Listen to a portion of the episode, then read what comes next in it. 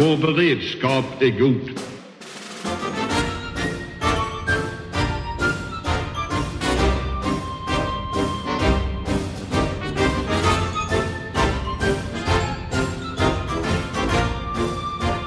Ja, hej och välkomna till Höjd beredskap, en podd från Aftonbladet Ledare. I studion här med mig så har jag eh, Amanda Wollstad. Hej. Johan Viktorin. Hej. Patrik Oksanen. Hejsan hejsan. Och på länk från ett grått Falköping har vi Annika Nordgren Kristensen. Hallå, hallå. Hallå, hallå. Idag så tänkte vi prata framförallt om folk och försvar som ju inleds på söndag och eh, är i tre dagar uppe i Sälen på Högfältshotellet. Och podden kommer också att ta sig till Folk och Försvar så vi kommer att göra ett antal poddavsnitt uppifrån Sälen och eh, försöka möta olika gäster och diskutera de frågor som tas upp. Men först tänkte jag, vi kan inte undvika Iran som ju toppar nyheterna. När, när vi spelar in detta så, så har igår kväll Justin Trudeau, den kanadensiska premiärministern, eh, förklarat att underrättelseuppgifter visar att den här eh, flygplanet i Teheran, eh, där bland annat 17 personer boende i Sverige var på flygplanet, förmodligen har skjutits ner av Irans luftvärn. Och det är naturligtvis oerhört dramatiska nyheter. Jag tänkte Johan, du har bakgrund och kan en del om Iran. Eh, vad är det som har hänt? Nej, det, om vi backar ett år så är det ju så här att den eh, amerikanska administrationen har utsatt Iran för en ganska tunga eh, ekonomiska sanktioner. Startade i april. Eh, vilket då har lett till att eh, ekonomin har krympt med 9,5 procent under 2019. Eh, och trots detta så har då regimen i Teheran Eh, ägnat sig åt att skjuta ner drönare på internationellt vatten, man har anstiftat eller själva eh, deltagit i en, ett anfall mot saudiska oljeanläggningar. Eh, man har fört eh, ombudskrig då i Irak med sina miliser eh, och man har ju en båge egentligen med, i Irak, man finns i Syrien och man finns i Libanon med Hizbollah exempelvis. Eh, så att trots den här trycket som man är då utsatt för så har man då gått till eh, motvärn så att säga därför att man ur regimens horisont upplever det här som en politik för att byta regim i Iran. Det är det som är det överordnade målet att sitta kvar. Och om man tänker på den här, den här själva händelsen med, med flygplanet. Eh, man vet ju inte riktigt vad som har hänt men, men eh, det här vapensystemet det är ett luftvärnssystem, ryskbyggt luftvärnssystem som Iran har. Eh, vad betyder det att det är nedskjutet av, om, om det nu är nedskjutet av ett sådant system? Har det suttit en människa och tryckt på knappen eller är det här ett vapensystem som skjuter ner flygplan lite som det vill självt, att det är autonomt? Nej, alltså Iran köpte för många år sedan det här systemet som nu är aktuellt då, som alla talar om, SA-15 från Ryssland och sen har man då diskuterat en uppgradering eh, till det. Och eh, den uppgraderingen skulle kunna innebära att man har möjlighet att skjuta eh, alltså autonomt då, så att säga, med programmering. Och huruvida man har kommit dit och huruvida man har använt det, det är ju helt oklart eh, för mig. Men eh, ska man sitta där då som skytter och chef och befälhavare för en, en enhet som försvarar Teheran så att säga. Vi får inte glömma bort att det här skedde ett antal timmar efter man själv hade avlossat ballistiska robotar mot mål i Irak. Så att man hade en ganska hög beredskap. Eh, då ska man ju så att säga identifiera det man skjuter på. Det är ju liksom en grundläggande regel egentligen och det finns ju rätt så mycket i den här karaktäristiken på det här flygplanet som inte stämmer överens med om hur ett vanligt attackmål uppträder så att säga. Men om man jämför då med en kryssningsmissil och ett trafikflygplan. Jag kan tänka mig väldigt stora skillnader mellan dem. Så ser man inte vad man skjuter på? Ja, det ska man ju göra därför att dessutom är det ju så att den här flygplanet, vad jag har förstått och kunnat se på flight radar, så hade den en fungerande transponder. Eh, så det ska man också uppfatta förutom själva så att säga, radarblippen. Så man har egentligen dubbla eh, så att säga, säkerhetsarrangemang där. Och sen har man då den här som jag försökte säga där med, med att det kommer ett plan från Teheran som går liksom med en helt annan flygprofil med en helt annan fart på en helt annan höjd än vad då en inkommande robot eller ett attackflygplan har som kommer utifrån. Så det finns ju mycket misstag som, som har begåtts här. Men det är till, till syvende och sist då ett ansvar som åvilar Iran. Det är ingen olycka det här. Patrik? Nej men det man kan också reflektera kring det här är ju eh, har den iranska regimen fullständig kontroll över sina styrkor eller finns det de som har agerat rogue och det är det som kommer att bli mycket intressant att följa nu i, i det som, som sker. Mm. Amanda? Det är ju intressant att se framförallt hur, hur nedslagsplatsen har hanterats. Det har ju kommit rapporter från flera källor att man har använt bulldozers för att eh, hafsa ihop eh, rester av planet och det är ju inte direkt normal procedur när man ska göra en, en eh, forensisk undersökning efter en eh, flygkrasch. Så själva har man ju uppenbarligen ganska klar bild av vad som har hänt och vill inte att någon annan ska få det. Annika, du som har en bakgrund liksom politiskt, att säga, hur, hur, tror du, hur tror du Sverige förhåller sig till detta just nu? Alltså hur tror du politikerna resonerar, stat och, och riksdag, regering, så att säga, försvarspolitiken? Ja, det har ju varit information till eh, allra minst försvarsutskottet, säkert utrikesutskottet eller sammanslagna utskottet eh, om den här händelsen. Så man har gett och det under sekretess så att det, det pratar man inte öppet om. Det verkar vara än så länge så att man håller tillbaka innan dess att man vet mer. Och det är väl generellt sett ganska klokt även om det är klart att det börjar också höjas röster nu att man ska reagera starkare utifrån de underrättelserapporter som bland annat redovisas från den kanadensiska sidan.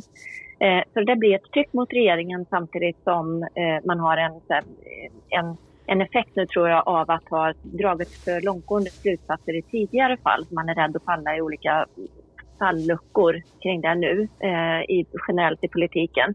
Men på ett övergripande plan, om man tittar vidare än eh, den här eh, just flygplanshändelsen nu, så kan man väl konstatera att eh, det är väldigt mycket av vilda västern i eh, agerandet nu eh, mellan eh, olika stater. Och det är en generellt sett väldigt dålig situation för ett mindre land som Sverige som är väldigt betjänt av starka multilaterala avtal och att inte internationell rättsordning undermineras och så vidare.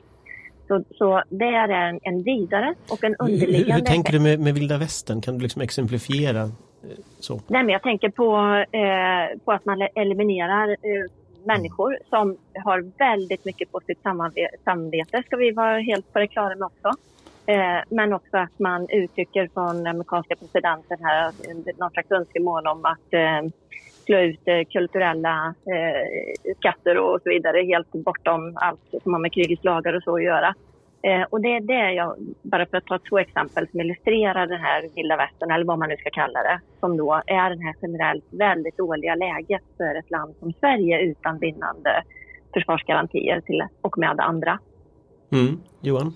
Ja, så får vi inte glömma bort heller att eh, presidenten annonserade sin avsikt att ha nya ekonomiska sanktioner mot eh, vad det pratas om då eh, rederier och metallindustrin som ju kommer pressa regimen ytterligare under den kommande tiden som kommer. Så att de här spänningarna är absolut inte borta. Det är mycket oberäkneligt och därmed farligt. Blir det något tredje världskrig? Nej, det får vi nej, verkligen nej. inte hoppas. Eh, och eh, inte som en omedelbar följd av detta, det ska vi inte tro. Eh, men återigen, eh, tendensen över tid, om vi tittar lite bakåt och också försöker blicka lite framåt, om det fortsätter eh, i den här, på den här vägen, eh, då ska vi verkligen både från vårt hus men också arbeta starkt för att hålla i de institutioner och ordningar som vi är betjänta av, vi och många andra. Mm. Men ett lite större regionalt krig skulle det nog kunna leda till. Det är inte omöjligt. Nu får vi inte glömma bort att eh, Kina kanske då är i det här sammanhanget en motverkande kraft. För Kina har ju inget intresse av att handelsflödena precis lika lite som Tyskland och Sverige har att, att det liksom eh, slås ur spel i, i den här regionen. Så att där kanske det kan finnas ett, en eh, så att säga, motvikt just nu. Vi får komma tillbaka till, till Iran, vilket vi nog tyvärr kommer att få anledning att göra. Men eh, som sagt på, på söndag så börjar ju då Folk och Försvar i Sälen som ju är lite av julafton för eh, försvars och säkerhetspolitiskt intresserade. Eh, bara en liten bakgrund kring vad, vad Folk och Försvar är. Folk och Försvar är alltså inte en statlig organisation. Det tror de flesta kanske att det är en, en, någon slags statlig konferens. Men det här är alltså en privat organisation eller en, en, en konfederation mellan olika föreningar Eh, de grundarföreningarna det är de stora folkrörelserna, alltså LO, eh, LRF, eh, Kooperativa förbundet, Svenska arbetsgivarföreningen, de politiska ungdomsförbunden från de demokratiska partierna, Riksidrottsförbundet och så vidare. Och tanken med det här från början då när det grundades 1940 det var att samla människor kring ett, en vilja att försvara Sverige. Eh, och bakgrunden går tillbaka ännu längre i tiden att, att i slutet av 1800-talet så var ju arbetarrörelsen pacifistisk. Och i samband med, med att Sverige och Norge eh, delades upp eller att Norge blev fria eh, 1905 så var det en ganska hård konflikt i det svenska samhället mellan liksom, eh, SSU och arbetarungdomar som inte ville ha krig och ett etablissemang militärt och politiskt ofta som, som drev mot en krigssituation. Och såren av det där gjorde att under 10-talet, under 20-talet så var arbetarrörelsen i Sverige väldigt pacifistisk. Och det här kulminerade i Ådalen 1931 när eh, Försvarsmakten eh, sköt obeväpnade arbetare i Ådalen. Eh, och året efter det så fick ju socialdemokratin makten och samtidigt mörknade ju läget ute i Europa. Och det här gjorde att ett antal personer som var ledande inom socialdemokratin bytte fot. Och den kanske viktigaste personen här var, var Torsten Nilsson som var SSU-ordförande eh, och hans generalsekreterare Folke Thunberg som insåg att man behöver så att säga, få arbetarungdomarna att acceptera att göra militärtjänst, att försvara landet och man måste få Försvarsmakten att acceptera att de här ungdomarna är med. Och tillsammans med en general som hette Gustav Petri så samlades de här personerna eh, under 30-talet och det kulminerade då i en konferens 1939 eh, på, på Konserthuset i Stockholm där man samlade då eh, civila och militära för att bilda någon slags samarbete. Eh, och det var det som sen blev Folk och Försvar. Själva organisationen bildades 1940 i juni, alltså två månader efter att Norge och Danmark blev ockuperat av Nazityskland. Eh, och den samlar då alla möjliga organisationer och det gör den fortfarande. Eh, så allting från, från politiska ungdomsförbund till Röda Korset, till Rädda Barnen, till de frivilliga försvarsorganisationerna samlas alltså på den här konferensen för att diskutera försvars och säkerhetspolitik. Och den här traditionen har man alltså genom skiftande tider, genom kalla kriget, genom andra världskriget lyckats hålla kvar.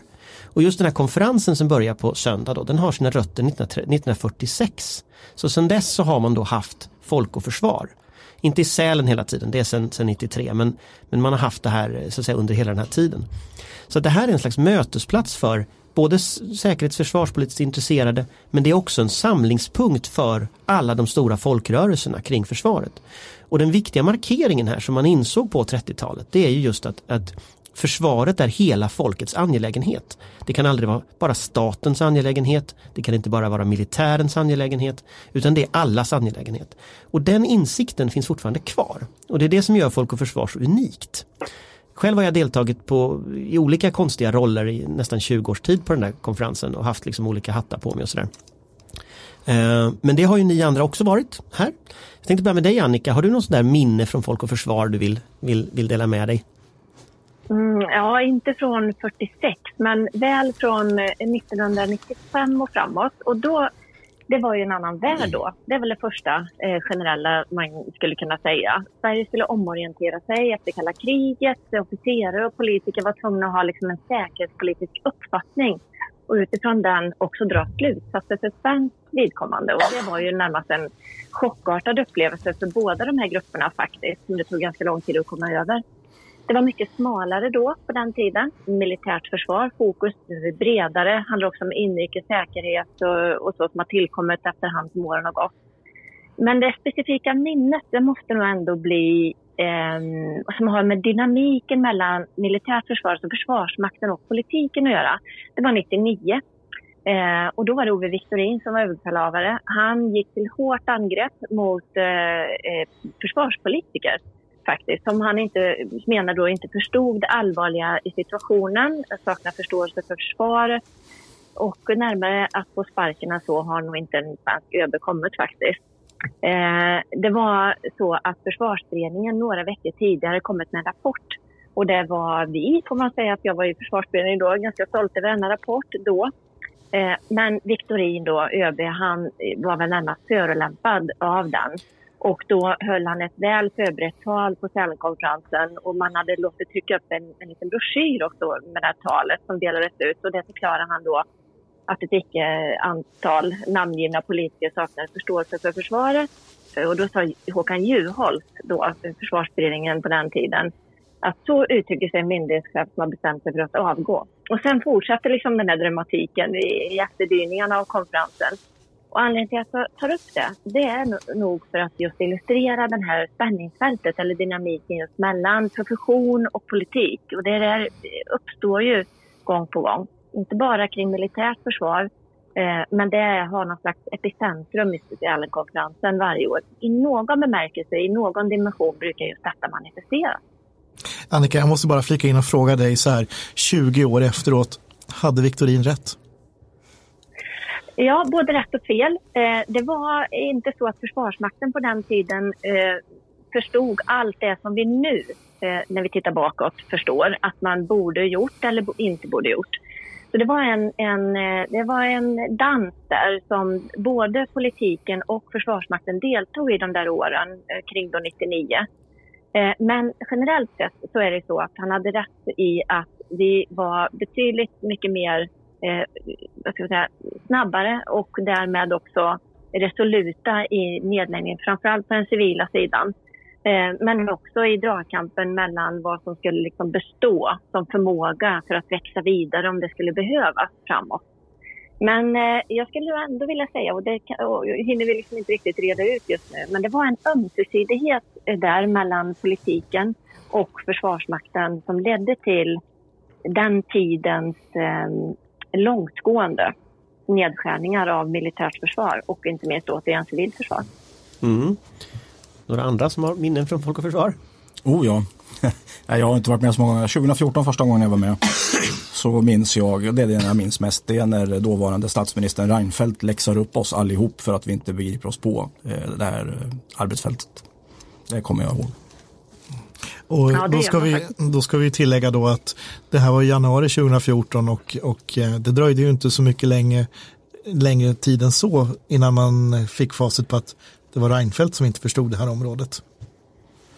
Det var, det var någon, någon, någon, av de folk och försvararna där, nu kommer inte ihåg vilken då, 2013 eller 2014 när jag gjorde någon sån här stor karikatyr av av, eh, vad heter det, Sten Tolgfors som Bagdad Bob. Ja, det var ju när han fortfarande satt, det måste vara innan dess, när han fortfarande satt. Eh, och de, de var jätteupprörda, eh, Moderaterna. De tyckte det var oerhört eh, hemskt.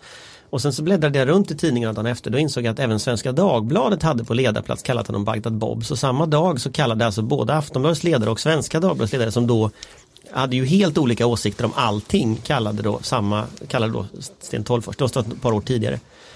Och sen pratade liksom inte Moderaterna riktigt med mig efter det där. De var jätteupprörda över liksom våran kritik av, av, av deras försvarspolitik. Eh, det var ganska roligt, kommer jag mm. ihåg. Har relationerna förbättrats, eh, Anders, eller? Mellan mig och Moderaterna? Ja, det, det, har de nog faktiskt gjort tror jag. Jag tror att det var lite av en lågpunkt. För jag tror att de ansåg då att det var Socialdemokraternas fel och en socialdemokratisk ledarsida kunde inte vara mer försvarsvän än vad de var. Så det kastade liksom om rollerna eh, väldigt mycket i debatten och det tror jag störde dem något fruktansvärt. Sen är det ju så att Aftonbladet har ju ganska många läsare så att så ganska många av hans väljare läste ju oss och det var en ganska konkret kritik vi hade av deras försvarspolitik. Så det är klart att jag är inte så säker. Jag tror det är, det är nog bättre idag, det tror jag. Jag är väl... Och så får man väl säga att Tolgfors var ju inte ensam under den tiden att, eh, att inte eh, alltid se hur brister och sånt såg ut på riktigt. Det var, det var många som var en del av det ansvaret. Ja, Anders Borg på Finansdepartementet inte minst. Verkligen. Amanda försöker få ordet här. Nej, jag, bara, jag är väl junioren i sammanhanget misstänker jag. Det blir mitt eh, fjärde år i år så att jag kom in ungefär när alla på riktigt började intressera sig eller påstås intressera sig för försvaret och försvarsfrågorna. Um, jag har ju varit aktiv i debatten längre än så dock. Um, men det, mitt, två av mina starkaste minnen från Folk och Försvar är väl dels den här debatten mellan dåvarande utrikesministern och försvarsministern för var det två år sedan när de i princip ja. stod och tog replik på varandra i talarstolen och var enormt oense om den gemensamma regeringens gemensamma politik. Eh, och så fick Löfven gå in där och medla som någon slags fadersfigur. Eh, och det visar väl kanske problemet att, att det är jättefint att alla försvarspolitiska talespersoner sitter uppe i Sälen och är ensiga, en, men det är inte säkert att de utrikespolitiska och kanske framförallt inte de finanspolitiska talespersonerna som ju inte är där och kanske borde vara det är eniga. Så det, det riskerar ju bli mycket snack och lite verkstad. Och sen det tydligaste visuella minnet det är väl första gången nuvarande ÖB kom upp och eh, framträdde på scenen i uniform. Vilket ju var något av en skandal därför att Sälenkonferensen ska ju vara de stickade tröjornas förlovade. Alla ska vara nedklädda och familjära med varandra och ÖB tyckte att han var där i tjänsten. Eh, så det blev väldigt mycket snack om det och det är rätt intressant för idag är det väl, det är bara två år sedan, eh, är det väl ändå ganska okontroversiellt tror jag. Mm. Idag är det väl mer självklarhet. Men det är också en prägling av, av läget eh, och jag tycker att ÖB där resonerade rätt. Att eh, ett allvarligt läge och, och överbefälhavaren ska kommunicera i offentlighet och, och gör det i tjänsten då, då, då funkar det inte att komma i lusekofta. Det, det gör inte jag, det. Jag, jag tillhör de som gillar luskoftorna och, och jag, jag reagerade också på att han, han hade inte bara uniform, han hade fältuniform på sig. En, en, eh, så, så, att han, där, där, står liksom ÖB i en kamouflageuniform eh, på scenen och ska förklara. Jag, jag kan tänka att om man ska prata med vanliga människor som inte ingår i någon slags försvarspolitik, då är lusekoftan nog mer kraftfull. Eh, men visst, det skapar ju en sent av allvar. Jag vill minnas att ÖB den kvällen sjöng Du kan lita på mig eh, på scenen. Jag undrar om han hade, han hade faktiskt på sig uniformen då också va? Ja, jag filmade det. Ja, du får lägga ut den filmen sen. Den, den, den, den, den, den lades ut i, i samband med det så att den, den, den blev publicerad. Det ja. var, han är en fantastisk sångare. Ja. Vet du, det leder oss in på årets konferens. Eh, jag tänkte om vi ska börja liksom recensera lite vad, vad, som, vad som finns på årets konferens. Eh, idag, eller om det var igår, det publicerades väl igår men det är tidningen idag, så publicerar ju då eh, Mikael Holmström på Dagens Nyheter en genomgång eh, av eh, hur det här försvarsbeslutet faktiskt ska genomföras. Där han konstaterar att ungefär hälften kanske genomförs av det som försvarsberedningen ville. Vad är det som har hänt? Ja, det lyckades ju inte Björn von Sydow reda ut riktigt i den här podden för eh, några avsnitt sedan. Och i grunden så handlar det alltså om att eh, man har suttit och dubbelräknat mellan Försvarsmakten och Försvarsberedningen. Så att eh, det är, eh, om jag minns rätt nu från huvudet, sådär 48 miljarder som man har dubbelräknat eh, som Försvarsmakten har använt till, eh, till andra saker som Försvarsberedningen trodde att de kunde använda till, till sina saker. Och, och eh, i det här förslaget då som, som Försvarsmakten då har lagt utifrån Försvarsberedningens rapport så har man då dragit konsekvenserna av att pengarna saknas. Jag ska tillägga att det saknas också en pengauppräkning så det är ytterligare 4 miljarder fram till 2025 som är mindre än vad försvarsberedningen har räknat med.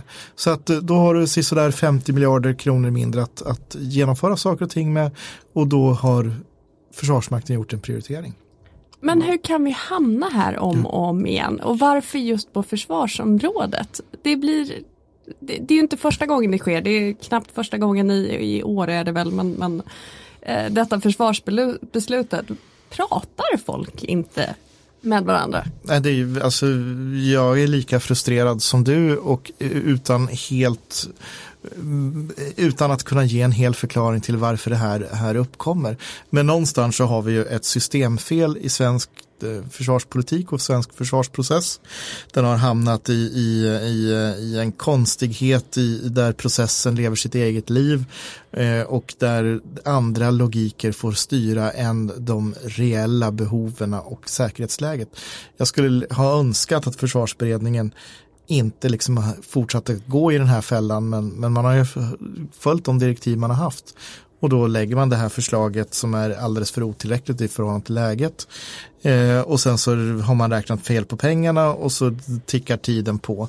Och vi sitter ju inte liksom i en situation i världen där, där vi kan vänta in 20-30-talet med att göra saker och ting i lugn och ro. Men, men, men... Pengarna An Annika, jag, jag, jag tänkte Annika, du, du har ju suttit i en försvarsberedning. Ja. Och jag är bara så fascinerad av hur den här kommunikationsmissen har gått till. Alltså hur, hur kan man ha olika åsikter om 48 miljarder mellan som försvarsdepartementet och försvarsberedningen och försvarsmakten? Hur kan man Millions of people have lost weight with personalized plans from Noom. Like Evan, who can't stand salads and still lost 50 pounds. Salads, generally, for most people, are the easy button, right? For me, that wasn't an option. I never really was a salad guy. That's just not who I am. But Noom worked for me. Get your personalized plan today at Noom.com. Real Noom user compensated to provide their story. In four weeks, the typical Noom user can expect to lose one to two pounds per week. Individual results may vary. Liksom, hur, hur kan en sån sak hända? Ja, det, det, är naturligtvis ganska outgrundligt. Det finns experter inblandade, man har representanter från de olika eh, relevanta departementen, till exempel försvar, eh, Finansdepartementet och så. Eh, men man ska väl minnas då här också att det finns en diskussion som uppstår gång på gång eh, om den här till exempel uppräkningen som Patrik nämner. Eh, där man då anser sig ha fått försäkringar eh, av att nu ska det ske på ett annat sätt och så kommer Finansdepartementet med ett nytt besked. Och det var då en överraskning, verkade som, både för försvarsberedningen, försvarsberedningens sekretariat och Försvarsmakten. Så det är en del, det är liksom en delmängd i det hela. Eh, men här finns det kommunikationsmissar och, och också kanske en fråga om vilka mandat man har från olika experter utifrån sina respektive myndigheter eller departement och så. Eh, och det måste man ju komma till rätta med naturligtvis. Eh, jag tror också att vi, det här effekter vi nu ser i DN nu, eh, som Holmström skriver om, det är ju inte bara pengar utan det är också en prioriteringsfråga. Och det är ytterligare en sak då som manifesterar den här lite dragkampen mellan att professionen vill ha större handlingsfrihet och mecka sig själv för bästa försvarseffekt. Eh, Medan politiken har, nu generaliserar jag, lite ledsnat på då att de prioriteringar man gör och sätter inte alltid då genomförs. Och, och jag tror just på medsidan, eftersom det är det som är i fokus just nu då i Holmströms rapportering här, så har vi sett det i budgetpropositionen att man är missnöjd med att man inte genomför satsningar på brigaderna eh, så som politiken har sagt. Och därmed kommer man tillbaka nu och säger nu är det så här att det är detta som gäller. Men återigen, under alltihop är det detta som Patrik säger, det handlar ju om pengarna och resurserna och hur hårt man måste prioritera och skära. Och men det man ska, är alltid det jobbiga. Men om man ska reda ut det här, alltså det, det är en, ett problem som är att det är för lite pengar. Eh, därför att man no, någonstans har skett en kommunikationsmiss.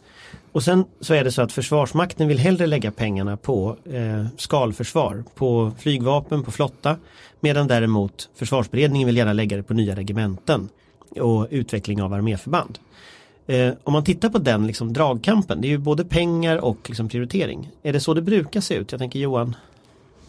Jag vet inte om jag klarar av att reda ut det. Jag tänker att det, kanske inte är egentligen pengar som saknas utan vi har ju, får inte glömma också att vi har, det här är också delvis en konsekvens av ett oklart regeringsläge under förra året. Vilket ju fick att vi fick en annan budget och då tog Försvarsmakten det för intäkt att liksom styra åt ett visst håll som handlar mer om att öka en, då, en tröskeleffekt eller en, någon form av mindre avskräckningsförmåga. Försvaret är krigsavhållande i första hand. Då. Det är det som är den primära uppgiften. Eh, och sen menar man då på att eh, ska vi då genomföra allt det som försvarsberedningen vill göra då kommer det kosta extra pengar och det är där så att säga i så fall det saknas pengar. Det som jag tycker var intressant i den här artikeln det var ju faktiskt att den nya ordföranden i försvarsutskottet, Paul Jonsson från Moderaterna, som ju faktiskt har lagt om sin försvarspolitik ska vi säga också kraftigt sedan 2014 var ju ganska, ganska frän får man säga med att säga att eh, det här är liksom eh, myndigheten skulle räkna på ett uppdrag eh, från försvarsberedningen, genomförbarhet och så vidare och det har man inte gjort. Man har svarat en annan sak. Så det här kommer bli väldigt spännande att se vad det här tar vägen någonstans. Ja men det är uppenbart att den här processen leder återigen till en friktion mellan, mellan politik och, och försvar. Mm. Eh, och det är ju väldigt olyckligt men, men i grunden skulle jag säga att det stora problemet uppstår ju när politiken fortfarande inte har gjort en grundläggande beställning på vad är det vi ska ha i grundläggande försvarsförmåga för soliga tider nu när vi ska återta ett totalförsvar. Vi ska komma ihåg då att vad vi gjorde sen, sen ehm, Annika grälade med Viktorin där på 90-talet på Folk och Försvar så skrotade vi totalförsvaret, la, la bort liksom eh, koncept kring att vi skulle ha ett nationellt försvar och så skulle det vara ett insatsförsvar och sen nu är vi på väg tillbaka mot, mot ett nationellt försvar och så tillbaka totalförsvarsplaneringen och så vidare. Och så vidare. Eh, men vi har ju fortfarande inte på allvar liksom sagt vad är det vi, vi ska kunna klara av Eh, och, och, tagit konsekvenserna av det. För tittar vi så, så eh, och försöker liksom göra den bedömningen om vi lyssnar på lite andra då, till exempel Kungliga örlogsmannasällskapet gjorde en studie när det gällde marinen, konstaterade att vi skulle behöva ha tre gånger så många ytfartyg för att kunna klara av flottans uppgifter. Idag så kan vi klara av att hålla Göteborgs hamn öppet eh, en begränsad tid med den marin vi har och då lämnar vi östkusten. Vi har Eh, liksom bland de längsta Europa, eh, stränderna i Europa, 90 procent av vår eh, import kommer ju via havet. Flygvapnet, där var ju flygvapenchefen ute och sa att E-plan skulle nog behövas dubbelt så många som det som är beställt. Så att det är ju inte bara armén som är för liten utan vi har ett mycket större problem och politiken i försvarsberedningen klarar ju inte av att sätta upp ribban vart vi ska utan har haft det här begränsade uppdraget med 2025 med liksom rörelse mot 2030 men med en, en ekonomisk ram som sträcker sig på 1,5 procent. Det är ju mm. här vi hamnar fel. Amanda? För att haka i det, det här är ju också en återkommande konflikt inom försvarsområdet. Att eh, Försvarsmakten kanske tycker att politiken är inne och pillar för mycket och försvarspolitiker vill gärna prata exakta vapensystem och numerär och placering och ibland kan det väl finnas lokalpolitiska och industripolitiska och så vidare andra eh, saker som också ligger bakom eh, likväl som försvarsförmåga medan politiken tycker att det är de som styr Försvarsmakten och, och eh, ÖB ska vara tyst och göra som man blir tillsagd för att hårdra det. Vad är egentligen en, en rimlig avvägning här emellan? Hur mycket ska politiken styra? Hur mycket ska man lita på att Försvarsmakten själva klarar av? Hur bör ramarna se ut? Kommer vi någonsin komma runt den här dragkampen? Det måste finnas ja, ett visst mått av detaljstyrning. Alltså att, att anlägga en marinbas eller bygga en flygflottilj det är ju liksom decennier, mm. kanske till och med sekellånga konsekvenser av det om det ska vara i Karlskrona eller eh, vad det nu är för någonting. Så att där måste man vara inne men annars kan man ju tillämpa målstyrning. Så att säga. Det är ganska vanligt i andra sammanhang. Eh, och där, där tycker jag det eh, liksom haltar lite grann därför att man i den förra rapporten från beredningens sida som handlade om det civila försvaret. Eh, där pekar man ju ut att vi skulle kunna stå emot en avspärrning i tre månader. På samma sätt så borde man ju sätta upp en klar dimensionering i tid också eftersom vi har valt en militärt alliansfri linje men med då ett fördjupat samarbete med, med stater runt omkring oss att man då kanske ska kunna klara sig själv militärt under en månads tid och liknande. För det är då man kan påräkna större förstärkningar. Annika? Ja, jo, men det där är viktigt med målstyrning och jag tror också att det går att göra. Jag tror aldrig man kommer ifrån den här dragkampen eh, totalt. Det tror jag inte. Men det är klart att man kan göra det bättre. Dock är det så, tror jag, att vi är dåliga på att utkräva ansvar. Och det är ett, ett, en konsekvens av om man ska lägga över mer ansvar på professionen, alltså större målstyrning och tydligare mål från politikens sida och sen får Försvarsmakten utforma för bästa försvarseffekt, eh, en större liksom, handlingsfrihet. Eh, då måste det till också att man kan utkräva ansvar för när det blir fel eh, och för länge eh, som det tar liksom, att genomföra olika saker. Där, där haltar det också. Men hade vi blivit bättre på det ena så hade man kunnat öka frihetsgraderna på den andra sidan och eh, det tror jag hade varit bra. Jag tänker, att, jag tänker att konferensen, det här är en, ett tema på konferensen, ekonomin. Eh, jag vet inte om man kommer reda ut det riktigt men det är en sån stor konflikt som finns under. Sen finns det ju några andra frågor. Om man tittar på programmet imorgon eller på söndag så pratar ju Ann Linde, utrikesministern och eh, Ulf Kristersson, partiledaren. Eh, tittar man på, på, på måndag sen så är det ju liksom försvarsdagen när Peter Hultqvist och överbefälhavaren kommer att prata. Och tittar man på tisdagen så är det lite mer av en civilförsvarsdag. Eh, och då, och då eh, är det bland annat Dan Eliasson som pratar. Så, så man kan säga att man, man har ju ändå någon form av tematik i hur konferensen är upplagd om ni tittar liksom, vad har ni för förväntningar förutom liksom den militära eh, ekonomin och så, vad har ni för andra förväntningar på själva konferensen? Jag tror att mycket kommer sättas första dagen i utrikes och säkerhetspolitiken. Eh, därför att jag tror att vi allihop känner att liksom världen tränger sig på på olika sätt. Eh, och att det är lite mörkgråare skyar. Inte bara i klimatet så att säga utan även så att säga, i geopolitiken och, och liknande. Och vart på våra handelsintressen är vägen och det är cyberattacker och alla möjliga saker. Så jag tror det kommer sätta väldigt mycket tonen för detta och jag förväntar mig att vi kommer få se en betydligt mer pragmatisk utrikesminister exempelvis än vad vi hade tidigare i det sammanhanget. Ja. Den sprickan kommer inte vara lika uppenbar som Amanda refererade till för två år sedan. Vi kommer att se att sprickan mellan UD och försvarsdepartementet kommer att minska, det mm. förväntar jag mig också. Mm.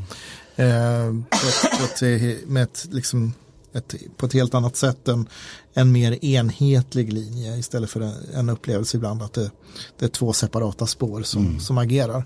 Eh, men jag tror att eh, eh, den, den så att säga dagsländan, och nu menar jag inte något vanvördigt att Iran skulle vara en dagslända, men, men om vi tittar i den nyhetslogiken så finns det ju vad är liksom stort på, på dagordningen så kommer Iran att vara det som sätter prägen tror jag på söndagen. Mm. För att det är on top of mind och det här är också det st första stora framträdandet som jag tror är, det är möjligt att Sverige håller någon presskonferens innan, eh, men annars är det det första tillfället som, som Sveriges utrikesminister tilltalar en, en, en, eh, en tv-sänd publik i detta ämne. Så jag tror att det kommer att ta mycket större plats än eh, de första utkasterna i hennes tal som säkerligen gjordes redan före jul. Får jag bara ta en sak till också och det är att eh, Lena Hallin, då, chefen MUST och Claes Friberg, säkerhetspolischef, pratar första dagen. Det, det får ni rätta mig nu Annika och Anders, men jag tror inte att det har hänt innan att de har varit först, alltså på första dagen. Det visar också att det här tränger sig på. För då kommer vi få deras bild av vad de ser i sin vardag så att säga. Eh, och där ska vi nog lyssna ganska noggrant på vad de säger. Mm, och det kommer att handla om gråzonsproblematiken. Eh, det vill säga då eh, antagonister, eh, så, de som vill oss illa, eh, som agerar eh, under nivån krig och vad, vad som sker i, redan idag. Mm. Det ska vi komma ihåg också att Säpo har ju flera år i sina årsrapporter pekat ut Iran som det land eh, jämte Ryssland och Kina som bedriver mest underrättelse informations inhämtning och så vidare gentemot Sverige. Eh, så den konfliktytan har ju en mening redan funnits och kommer naturligtvis bli mycket större nu. Eh, utrikesministern kommer naturligtvis bli väldigt intressant, inte minst tror jag för att se hur mycket hon kommer ta avstånd från sin föregångare inte bara att klyftan kommer vara mindre utan även om hon kommer markera, vilket hon en mening kan tänkas sägas ha gjort redan när hon lägger upp bilder på Instagram med eh, ÖB framför julgranen på UD och eh, ser till att första mötet blir med Israels ambassadör. Eh, så att det kan ju på något sätt vara UDs omtag liknande borgerlighetens för ett par år sedan när man insåg att det inte var en hållbar linje och eh, gjorde helt om. Eh, sen så tycker jag att tisdagen ska bli mycket intressant, inte minst mot bakgrund av Iran där vi pratar eh, livsmedelsförsörjning och eh, totalförsvar eh, och näringslivets ansvar i de här frågorna. Därför att eh, någonting som ganska direkt kan påverkas av Irankonflikten ur ett svenskt perspektiv det är ju transportvägar, eh, oljepriser. Eh, det är ju redan nu kris i många frågor, typ många läkemedel som inte finns på apoteken som kommer långt bort ifrån. Om vi då får svårare med import och eh, export för en orolig omvärld. Vad händer då? Vem är ansvarig för de här lagren? Det här är ju frågor som vi trots att vi har börjat prata lite om totalförsvaret och civilförsvaret igen inte riktigt har börjat ta itu med. Om det inte ens fungerar i fredstid. Eh, för det är ju rätt allvarliga mediciner som var slut. Det är hjärtmediciner, det är mediciner mot ADHD, eh, Levaxin för folk med köldskörtelproblematik, mediciner som faktiskt inte går att leva utan och inte heller har gått att få tag på. Eh, det är en orimlig situation. Ja, och sen såg vi vad som hände när en rad landsting bytte företag i, efter en upphandling. Eh, vilket ledde till att det företaget inte klarar av att leverera grundläggande saker som plasthandskar och sanitetsgrejer och annat. Vilket gjorde att en mycket stor mängd operationer i flera landsting fick ställas in på någonting som borde liksom vara banalt basic. Annika? Ja, jag skulle vilja, jag håller med om det ni har sagt och de här storheterna och de stora kontinentalplattorna som, som är i rörelse här i, i säkerhetspolitiken och geopolitiken eh, skulle kunna kokas ner till en punkt som är lite anspråkslös som, som utspelar sig dag två, alltså på måndagen. Eh, leverans av tillväxt är rubriken på en diskussion som är otroligt central då. För då ska vi då samla oss som land i det här läget.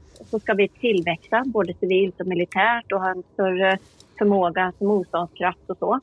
Uthållighet, vi ska eh, klara av liksom, en situation hur den kommer utspela sig framåt. Och då handlar det om hur detta samhälle gemensamt då ska kunna göra, utföra den här tillväxten.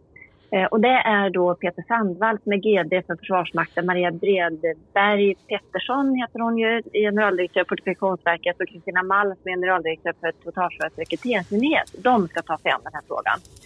Och det här är ju enormt relevant därför att det handlar om då hur detta ska hänga ihop också. Att politiken inte bara om man samlar sig till att dela medel då för att göra olika investeringar civilt och militärt utan i alla steg ska vi kunna anstränga oss. Och det handlar om allt ifrån att Försvarsmakten ska kunna växa med tillståndsprocesser och det ena med det andra. Eh, och till då på den civila sidan att eh, komma vidare utifrån den utredning som, som du diskuterade näringslivets roll i totalförsvaret men också naturligtvis måste föras vidare till konkreta åtgärder. Så det där är en, en lite, kanske något underskattad eh, dimension som jag vill peka på. Och sen har vi ju eh, senare samma dag en intressant punkt som heter säkerhetspolitiska doktriner under omdaning. Eh, och det är också väldigt relevant och hur vi ska orientera oss i den här världen. Vi tänker på vår egen del men också hur, vad vi kan se tendenser och trender i omvärlden. Hur man formera sig i det här läget. Så att det var väl två sådana här små nedslag jag skulle göra reklam för som kanske inte annars uppmärksammas direkt i programmet. Alltså, så själv så har jag funderat väldigt mycket på, på, på söndagen. Eh, jag säger morgondagen hela tiden men det är söndagen. Eh, därför då är ju Ryssland på tapeten. Eh, och det tycker jag själv är intressant just av ett annat skäl också. Det är att vi har lite slutat prata om alltså, li, lite den säkerhetspolitiska motivet till varför vi har en tillväxt i Försvarsmakten har lite försvunnit ur debatten. Det har blivit väldigt mycket så här gröna gubbar och siffror och hit och dit. Men, men vänder vi blicken åt Ryssland så ser vi att där har läget förvärrats avsevärt sen eh, försvarsberedningen kom med sin första rapport och även sin andra rapport. Så att det, omvärldsläget försämras. Och nu har vi haft Kina, så har omvärldsläget försämrats ytterligare. Och precis som ni påpekade förut, eh, som Amanda sa, Iran är ju den tredje aktören, eh, fientliga aktören som både Must och FOI och, och, och Säpo har ägnat ganska mycket tid åt. Så här ser vi ju liksom en trojka av länder som ju börjar samarbeta med varandra. Och där ser vi också strax innan jul så var det ju övningar mellan Iran, Kina och, och Ryssland. Eh, marina övningar som tillsammans övade så att vi ser ju också en, en formeringen av någon slags kretsländer som vill oss ganska, som vill, som vill oss ganska illa och har liksom helt andra strategiska intressen än, än vad Sverige och väst har. Och det ägnar man eh, ganska lång tid åt just Ryssland eh, på eftermiddagen. Det skulle jag säga, det är min, lite av det jag har ändå hängt mm. upp mig på som ja. Mm. Och det är ju Gudrun Persson kommer ju att dra då den här eh, eh med utdrag ur den här FOI-rapporten med Rysslands militära förmåga och det brukar hon alltid göra på ett mycket excellent sätt. Så att ska ni titta på någonting från tv-sändningarna där så rekommenderar jag den punkten. Och det kommer sändas på måndag om jag förstått det rätt. För de sänder inte SVT Forum på söndag utan det sänds på måndag eh, just de delarna som sänds på söndag kväll. Så det är, en, det, det är en viktig del i att förstå varför gör vi allt det här andra i Sverige som vi pratar om. Jag tänkte, man ska ställa frågan så här, om, om, ni, hittar, om ni har några andra så här guldkorn för att rekommendera just tv-tittare och lyssnare. Vi har ju de här ministrarna de här stora sakerna. Har ni några, precis som Annika lyfter fram, några speciellt små saker som ni har fäster vid i programmet som ni tänker att det där är någonting ni ska ha koll på?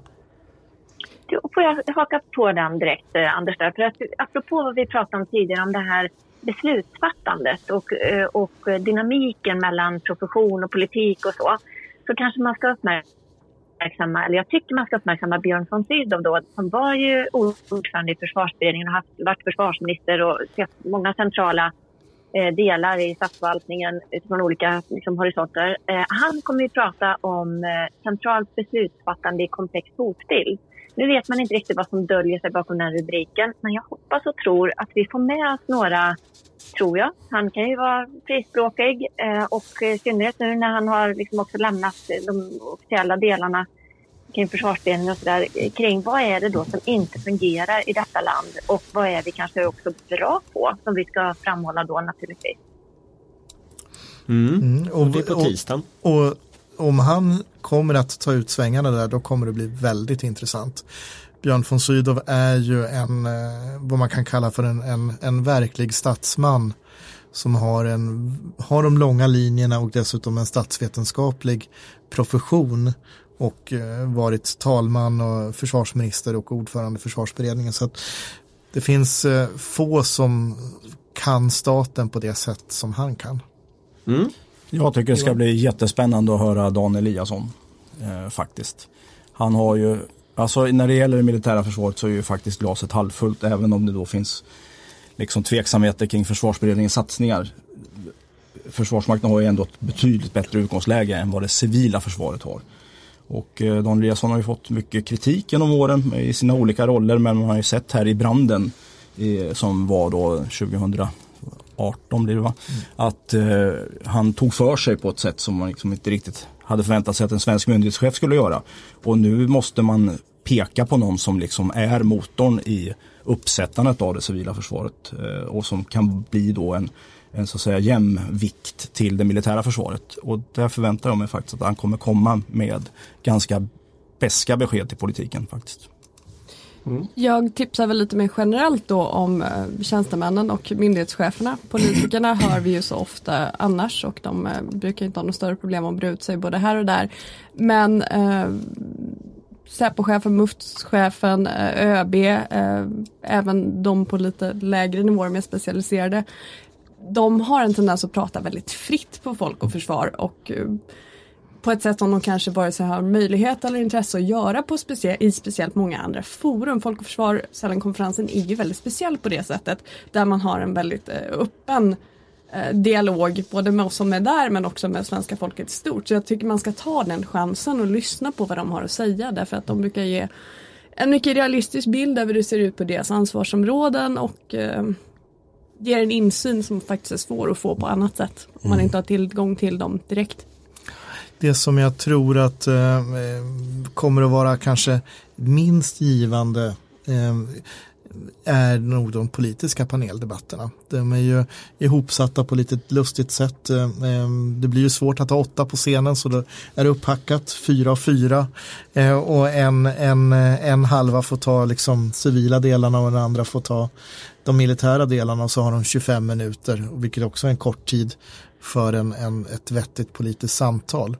Eh, gissningsvis så tror jag att den politiska spänsten det kommer att komma i utspel på sidan om från scenen och inte det som händer på scenen.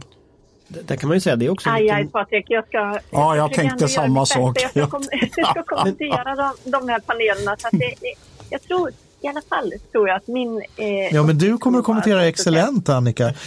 Men, men du, har en, du, har, du har en huvudvärk att göra det. Jag, jag, jag tänker så här, får jag bara säga det, det här är också, bara så att folk förstår, det här, det, det här är alltså en tradition i Folk och Försvar att man låter alla politiska partier säga någonting i tre minuter om ett ämne. Och sen får man ett par frågor från moderatorn. Eh, det, det, de, det är de panelerna som, som, som Patrik syftar på. Jag säger att jag, kan inte, jag håller inte riktigt med. Jag tycker det är väldigt intressant. Jag brukar själv sitta med penna och papper och så här, anteckna ner. Vad säger olika? Hur tittar de på varandra? Och det där är också bra när man ska skriva artiklar så kan man skriva liksom, ja men han tittade så och hon sa det och sådär. Det blir ofta väldigt, där kan man hitta de pratminus man sen använder. Så att de är inte helt meningslösa. Så jag håller inte riktigt med Patrik där. Jag tänkte och vad säga, men... inte sägs så ofta tydligt också. Ja, det är det som jag tycker är det mest intressanta, vad som inte sägs. Nu får Johan komma in. Nej, jag tänkte till, till de som vill titta på det här och, och, så är det också väldigt intressant att spana på de politiska ungdomsförbunden. För där kan det, alltså ibland finns det väldigt mycket spets där. Eh, jag kommer ihåg att de borgerliga ungdomsförbunden för några år sedan var ganska duktiga på, eh, på den här biten och det har funnits socialdemokratiska och andra också för den delen. Så det är intressant att se vad som rör sig bland deras medlemmar och, och tankebanor så att säga. För det är en kommande generation i, i försvars och säkerhetspolitiken. Mm.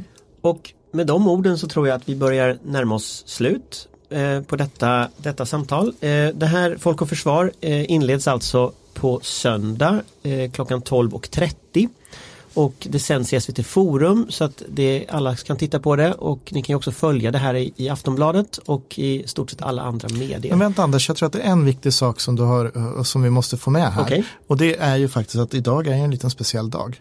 Så du fyller år idag. Grattis! Grattis! Ja, grattis. grattis Anders! Grattis! Tack så mycket! Och för att fira det så ska vi nu avsluta med en krönika av Patrik Oksanen om avskräckning. Vår beredskap är god avskräckning. Att avstå av skräck. Det är ett centralt begrepp i strategi, avskräckning. Tanken är att en till synes underlägsen styrka ska kunna avhålla en starkare motstånd från angrepp genom att ha förmågan att tillfoga så mycket skada att priset blir för högt för att det ska vara ett alternativ att angripa. Eller för att uttrycka det lite mer brutalt. Den stora elaka mobbaren på skolgården ska veta om att den ger sig på någon mindre så kommer det att både göra ont och bli pinsamt så det räcker härifrån till midsommar. Men avskräckning låter ju lite läskigt så vi i Sverige har faktiskt ett finare och trevligare ord för det. Ett ord som gör att vi inte ska tänka på krig som faktiskt är läskigt och otäckt på riktigt utan något som passar vårt trivsamma folkhemskynne så mycket bättre. Därför kallar vi det för tröskeleffekt i Sverige. Om någon ovälkommen vill komma till vår röda stuga så ska tröskeln vara så hög att det blir jobbigt att försöka kliva över. En effektiv tröskel, tröskeleffekt. Det här låter ju inte lika läskigt som att prata om skräck, avskräckning. Tröskeleffekt finns faktiskt också med i Försvarsmaktens vision som beskrivs som tröskeleffekt tillsammans, tillgänglighet, trovärdighet, vilket innebär att citat, Sveriges militära kapacitet ska skapa en tröskel med starkt avhållande effekt, något som kräver att vi upprätthåller en hög tillgänglighet och rätt förmåga i den komplexa och svårförutsägbara säkerhetspolitiska omvärlden vi befinner oss i. Slut citat. På vanlig folksvenska betyder det nog närmast Fan ta er om ni ger på oss, då kommer vi spränga er åt helvete av bara den. Alltså avskräckning. Men så säger vi inte i Sverige, vi säger tröskeleffekt. Fint och trevligt och inte alls krigiskt. Tänkandet kring avskräckning kom att utvecklas under kalla kriget och kring kärnvapenbalansen mellan USA och Sovjetunionen. Konceptet MAD, ja tokighet och galenskap, stod för förkortningen Mutual Assured Destruction, ömsesidig garanterad ödeläggelse. Avlossas ett kärnvapen så överlever ju ingen i slutändan när alla smält av sina robotar med kärnladdningar. Det var en avskräckning som fungerade. Det kalla kriget blev aldrig hett, även om det balanserade på undergångens brant några gånger. Det kallades ju inte för med utan orsak. Nu lever vi i en annan tid, en tid där vi behöver fundera på avskräckning igen och hur den ska fungera.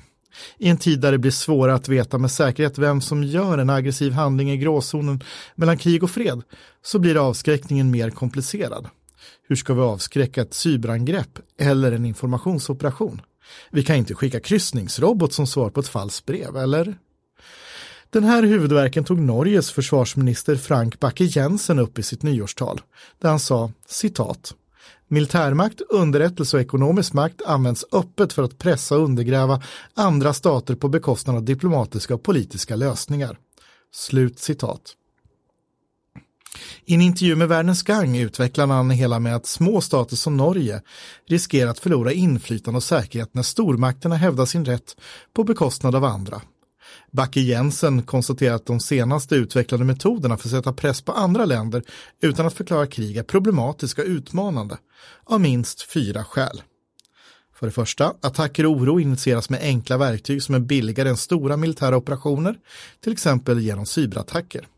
Två, de kan göra stor skada. 3. det är svårt att fastställa vem som står bakom det. Och slutligen, det kan vara svårt att komma ikapp. Och så kom han till det där ordet avskräckning, det som vi i Sverige alltså inte riktigt törs säga. Till Världens gang säger försvarsministern, citat, jag har baserat försvaret på avskräckning. Det ska vara dyrt att ge sig på oss. Men i en mer komplex hotbild kan mycket gå fel utan att det kostar mycket för angriparen och utan att upptäckas. Så hur skapar du då avskräck, alltså förlåt, tröskeleffekt mot någon som du kanske inte upptäcker? Någon som jävlas i syfte med att få samhället att gå sönder, men som inte gör det lika öppet som ett flyganfall eller en landstigning. Den frågan kommer att bli allt mer kritisk ju längre in på 20-talet vi kommer. Kanske är ett första steg att sluta prata om tröskeleffekt, utan att våga använda det där otäcka ordet avskräckning.